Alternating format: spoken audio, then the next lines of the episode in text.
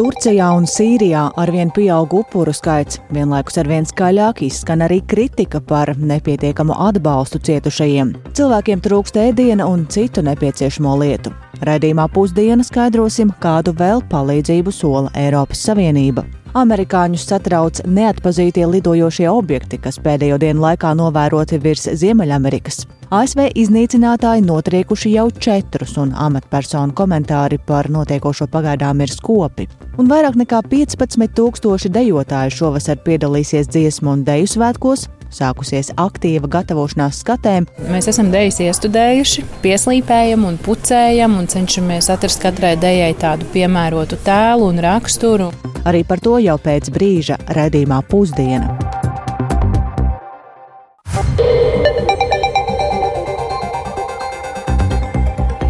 Piecas minūtes pāri 12. skanējumu sāk raidījums pusdiena, skaidrojot šajā pirmdienā, 13. februārī notiekošo studijā Dācis Simenoviča. Esiet sveicināti!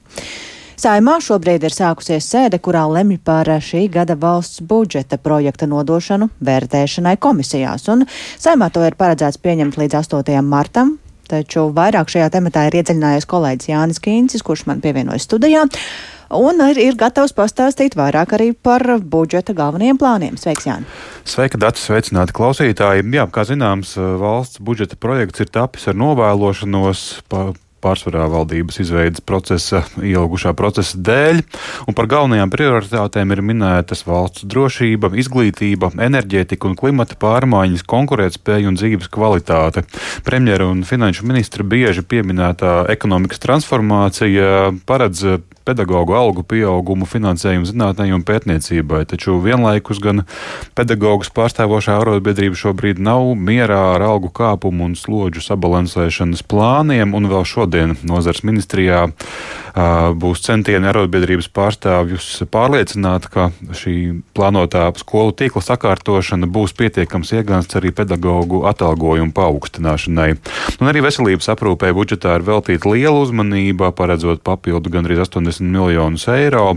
Daļu šīs summas paredzēts novirzīt algu paaugstināšanai sanitāriem un medmāsām, taču vienlaikus jau zināms, ka, ka slimnīcu vadītāji ir aicinājuši ārstniecības iestādēm budžetē, budžetā paredzēt vairāk līdzekļu. Citādi citādi draud eh, ar mazāku apkalpoto pacientu skaitu un, eh, un pieaugs maksas medicīnas apjoms. Par būtiskāko prioritāti valsts budžetā ir nosaukta drošība, Ir paredzēti līdzekļi Nacionālo bruņoto spēku stiprināšanai, pretgaisa aizsardzības ierīču klāsta papildināšanai. To iepriekš stāstīja aizsardzības ministra Ināra Mūrniec no Nacionālās apvienības. Savukārt valsts iekšējās drošības vārdā budžetā līdzekļi ir paredzēti glābšanas tehnikas iegādēju un operatīvo dienestu krīžu centru izveidēji reģionos. Jānorāda gan arī, ka, lai arī valdība budžeta projektu saimu virzīja vienprātīgi, koalīcijā neiztika arī bez strīda veidiem.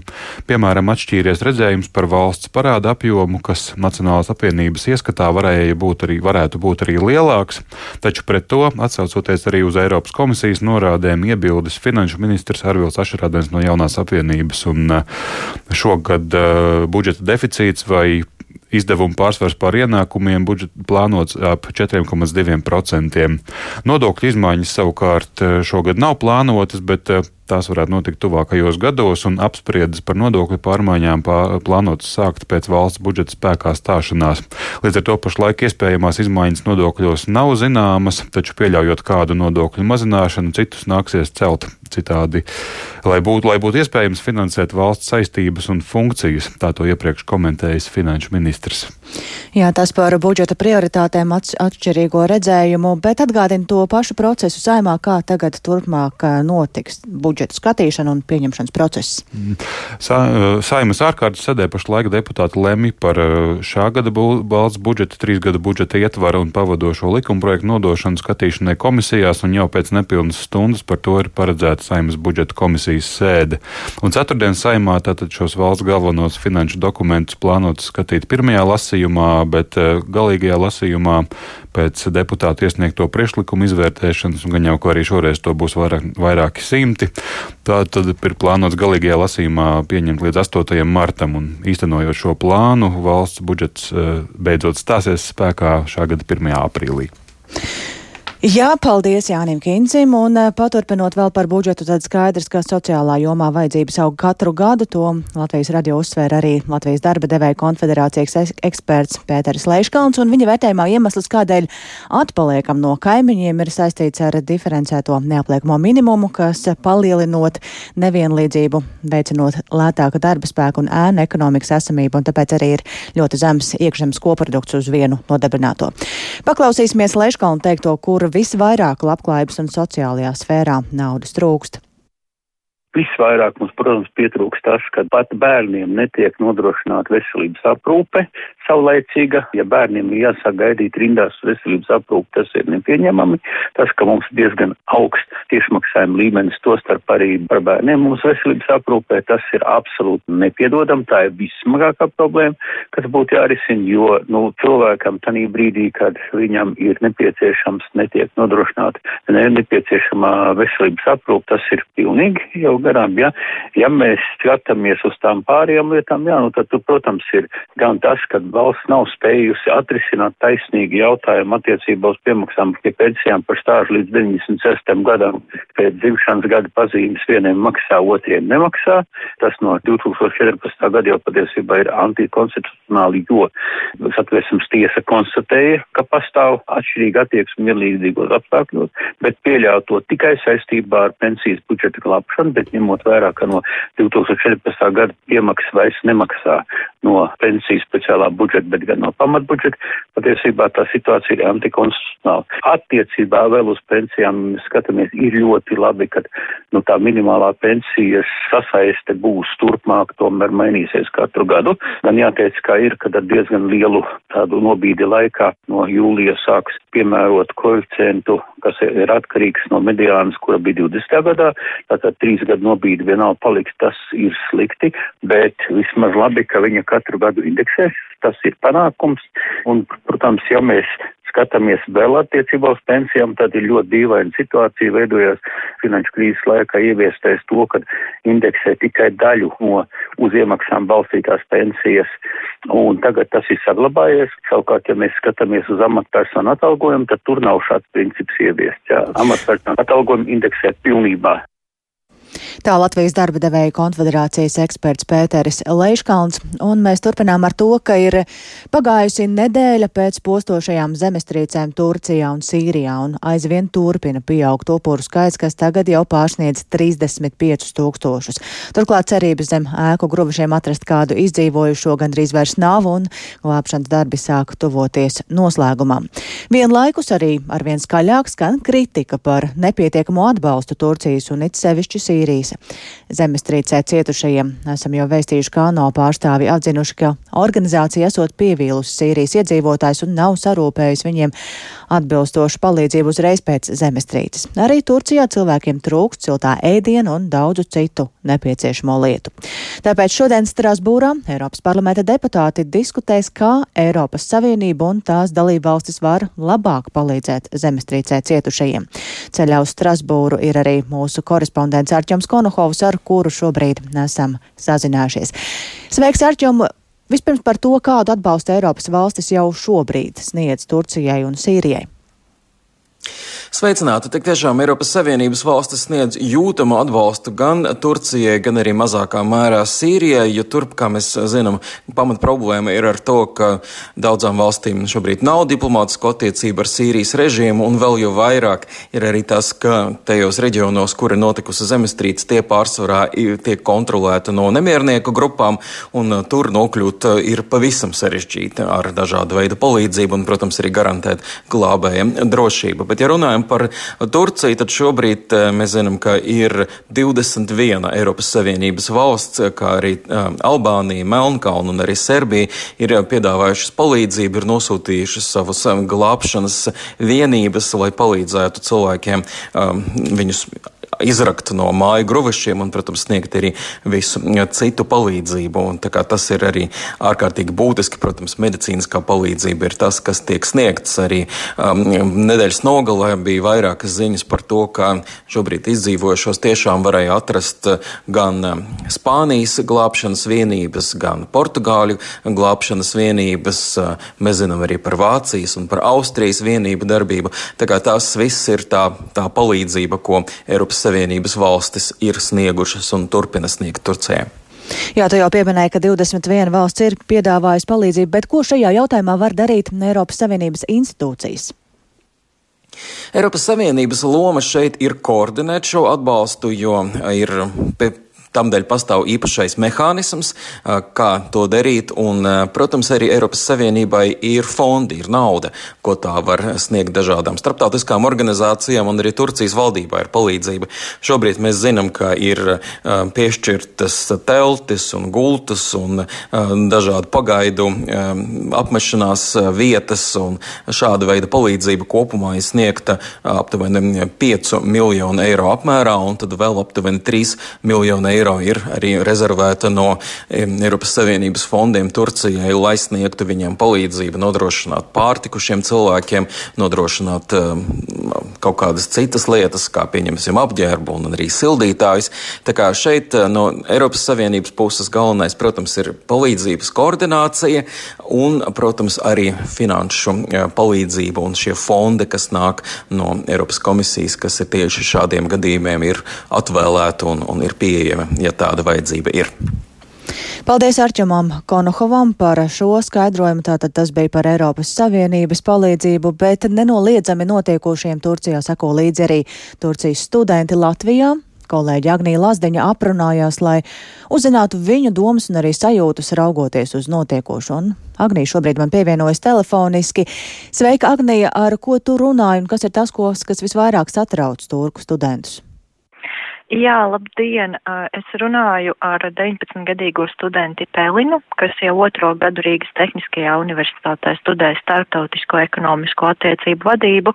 Šobrīd viņa atrodas Turcijā savās mājās Ankarā, kur devās pēc studiju semestra beigām, lai pavadītu brīvdienas mājās, bet, diemžēl, notika zemestrīce, kuras dēļ viņa joprojām atsākoties studijām ir palikusi Turcijā. Sākšu ar to, ka viņa pati par zemestrīci uzzināja tikai caur caur ziņām, un uh, viņas radinieki, tante, onkulis un brālēni ar māsīcēm gan zemestrīcē cieta, un viņa māja tika izpostīta, taču ar viņiem viss ir kārtībā, un viņi veiksmīgi pārvācās uz citu vietu.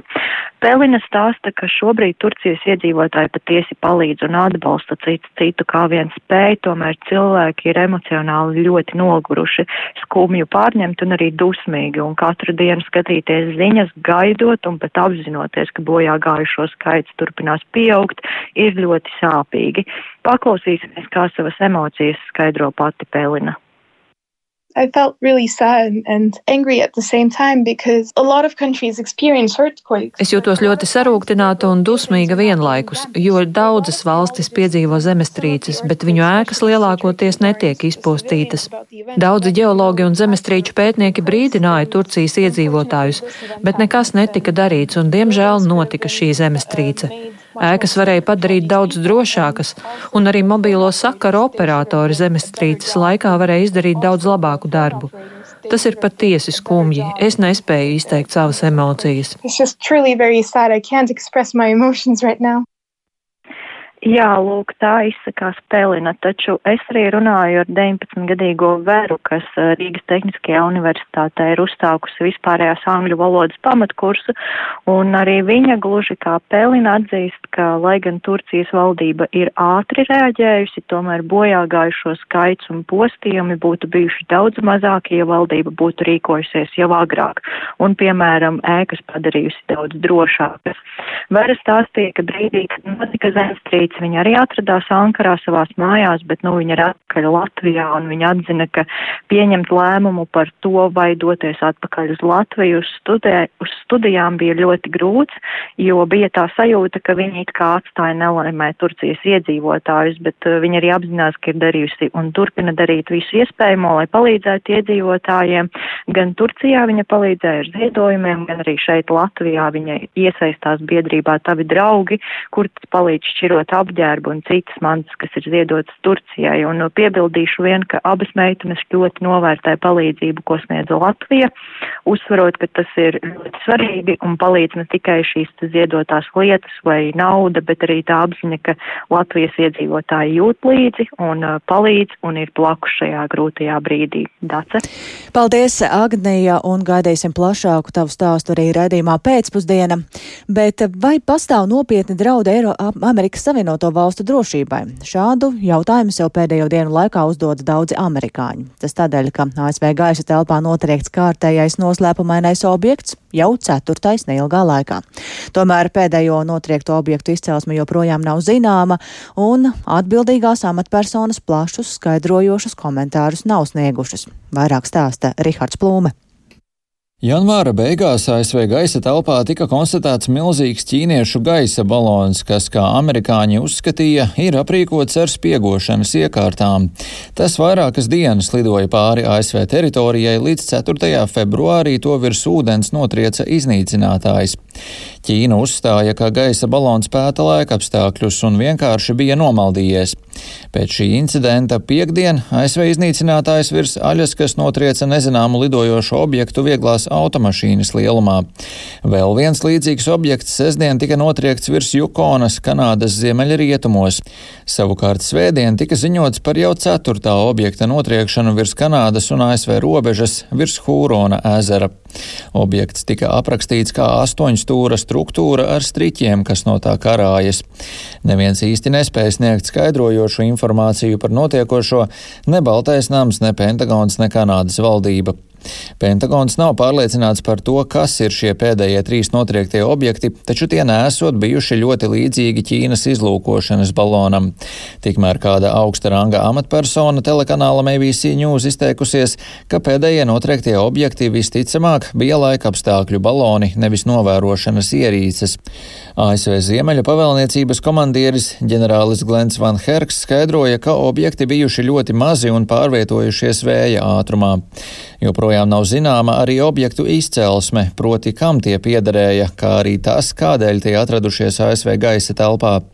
Zināms, ka dažādi dienesti meklē notriekto objektu atlūzas vai jau strādā vietās, kur tie nogāzušies. Notiekošo telekanālam CNN komentēja drošības analītiķe Džulieta Kejema. Is, is this sort of Tas, ko mēs šobrīd nevaram atbildēt, ir, vai šis viss ir daļa no kaut kā lielāka, proti, vai tiek reaģēts uz daudzām lietām, kas debesīs ir lidinājies un kam netika pievērsta tik liela uzmanība, jo tas neradīja draudus, vai tā ir kaut kāda organizēta novērošana. To mēs nezinām. Es gribētu teikt, ka spekulēt par Ķīnu saistībā ar visiem šiem incidentiem nav pareizi, jo nezinām, kas ir šie objekti. Jā, mūsu tolerance pēc tā, kas notika ar Ķīnu, ir zemāka. Mēs tos notiekam notrieksim, ja tas radīs draudus, un tas arī notiek, bet spekulācijas ir pāragras. Really Telekanāls CNN notiekošo raksturo kā arvien nopietnāku nacionālās drošības mistēriju, kas draud pāraukt politiskā vētrā. Noslēpumainība ap notiekošo rada informācijas vakumu, ko republikāņi atkal izmanto, lai apšaubītu prezidenta Džo Baidena vadību. Tikmēr Ķīna ar šodienas paziņojumu abu pušu sāsinātās attiecības draud nokaitēt vēl vairāk. Proti, Pekina izteikusies, ka pati Vašingtona kopš pērnā gada janvāra Ķīnas gaisa telpā ir iesūtījusi balonus vairāk nekā desmit reižu. Rihards Plūme, Latvijas radio. Turpinām mēs ar notiekošo pašmājās un gatavošanos šīs vasaras lielākajiem notikumam dziesmu un deju svētkiem. Šoreiz par dejotājiem, kuri aktīvi gatavojas skatēm, kas Rīgā sāksies marta sākumā, un šī gada liela uzveduma nosaukums ir Mūžīgais dzinējs, un tajā piedalīsies vairāk nekā 15 tūkstoši dejotāji no visas valsts. Vairāk Skirmantas Balčijūtas reportāžā. 5, 6, 7 un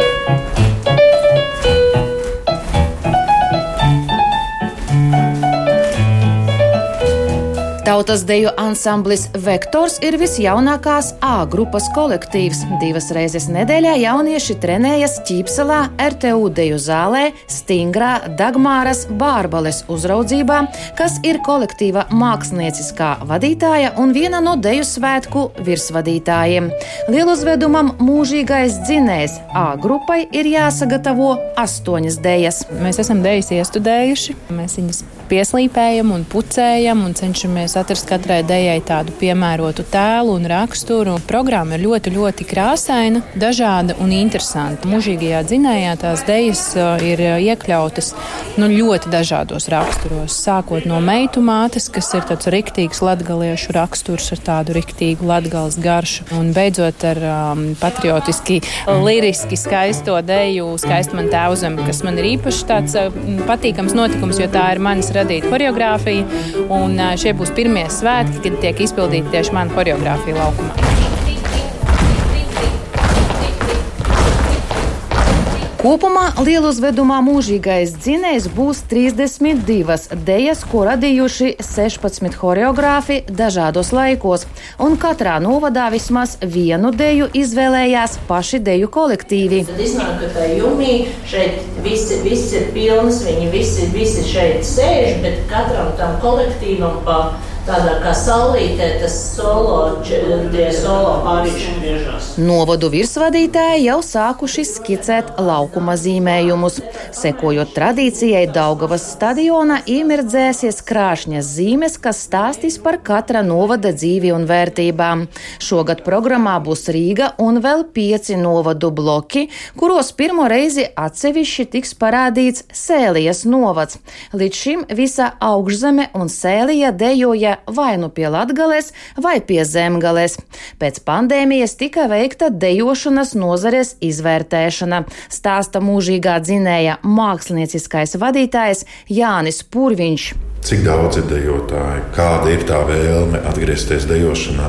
Jo, nu, ziniet, divu gadu laikā jau var ātri pierast, palikt sēžot mājās un neko nedarīt, un dejošanas laikā atrast kādu citu savu nodarbi. Un jāsaka, ka mūsu ieraudzītais ļoti iepriecināja. Jo mēs kopā noskatījāmies 666 deju kolektīvus, un, ja mēs salīdzinām ar 2018. gadu, tad uh, tas skaits, kas bija Māras zemes lieluzvedumā, bija nedaudz virs 700. Tas nozīmē nepilnīgi 40 kolektīvu mazāk. Kas mūsuprāt nav liels kritums. Pieteikšanās dalībai dziesmu un deju svētkos vēl turpinās. Tiek prognozēts, ka dejotāju skaits varētu būt 15, 16 tūkstoši. Plaši.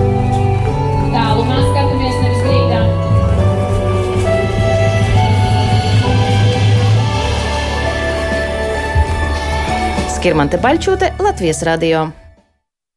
Tā par gatavošanos dziesmu un deju svētkiem, bet nevien dalībniekus, bet arī viesus un visus pārējos ietekmēs tas, ka Rīgā šogad netrūks satiksmes izaicinājumu. Pārbūvēs vairākus kilometrus tramvaju sliežu, kas ļaus kursēt zemās grīdas tramvajiem, un parādīsies arī elektrobusi, kas pilsētā izmaksās par 4 miljoniem eiro lētāk nekā sākotnēji prognozēts. Un vairāk par to kolēģis Viktors Demīdovs. Sveiks, Viktor! Vai šie vērienīgie pārbūves darbi ir saistīti ar Rail Baltica projekta būvdarbiem un arī to, kurās līnijās rīznieki tad varēs šogad braukt ar zemajiem tramvajiem. Sveicināti! E, jā, es šobrīd atrodos Rīgas satiksmes galvenajā ēkā, kur tātad informēja par uh, uzņēmuma aktualitātēm. Un, ja runājam par šiem vērienīgiem uh, būvdarbiem, tad jāsaka, tie ir daļēji saistīti ar uh, Rail Baltica būvniecību. Un tātad vērienīgie šie būvdarbi, ja runājam par tramvaja sliedēm, tātad notiks 5. un 7. tramvaja maršruta līnijās. Un kopumā tie ir aptuveni 9 km mm, sliežu. No tiem visvairāk pārbūvēs septīto līniju, tātad, kas kur, uh, kursē centrāla tirgus dola virzienā. Un jau šogad šajā maršrutā plānots, ka kursēs zemās grīdas tramvaji atsevišķās vietās, tātad nāksies nedaudz pārveidot esošās uh, pieturvietas, un uh, pasažieriem tramvajā iekāpt būs ērtāk un vieglāk. Uh, Rīgas satiksmes vadītāja Džineta Inus teica, ka darbi ir iespaidīgi, jo nāksies pārveidot 11. novembra un ģenerāļa Radziņa krastmalu, krastmalas krustojumu, kurs starp citu šodien sākušies vērienīgie būdarbi, kas saistīti ar dzelzceļa projektu Rail Baltica integrāciju pilsētā. Uh, savukārt divu kilometru garu posmu atjaunos piektā tramvaja līnijā, tikai atšķirībā no visa, visa maršruta, kas ir piemēram septītā līnijā, piektajā uh, maršruta līnijā tie būs tikai no pilsētas centra uz Ilģu ciemu un atpakaļ, respektīvi, varēs kursēt jaunie zemās grīdas tramvai, bet no centra uz Milgrāvi pagaidām vēl nav zināms, kad atjaunos uh, visu sliežu posmu. Abu Jā. līniju atjaunošana. Mhm. Jā, Viktor, un vēl pavisam īsi es saprotu, ka arī elektrobusi šogad sāks uh, kursēt pilsētā.